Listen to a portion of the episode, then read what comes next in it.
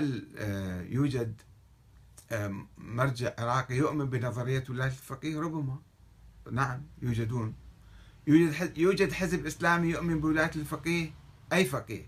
فقيه العراقي أو فقيه الإيراني أو يؤمن بالدولة أو يؤمن بنظريتين يوالي إيران ويؤمن ب... ويشارك في الدولة العراقية. هل يمكن ذلك؟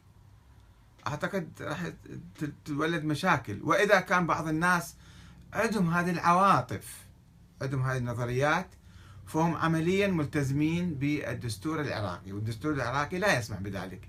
فنحن إذا نحترم ولاية القائد العراقي المنتخب من الشعب العراقي من البرلمان العراقي.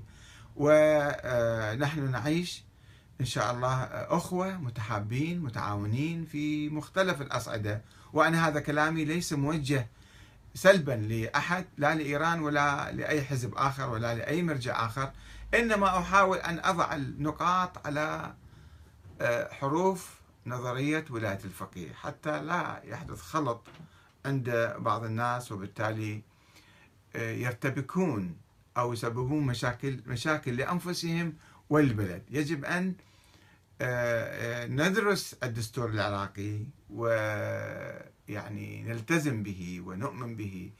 حتى نحترم أنفسنا في العراق ونحترم أنفسنا في أي بلد آخر ونتعاون مع الآخرين.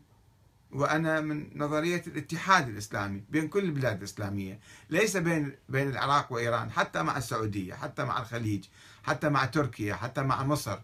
أن نكون بلد واحد نكون نفتح الحدود آه، نتعاون مع بعض آه، ولكن آه، ليس بصورة فوضوية إنما بصورة دستورية دقيقة يعني محددة حتى نتمكن يعني نبني بلدنا بشكل سليم.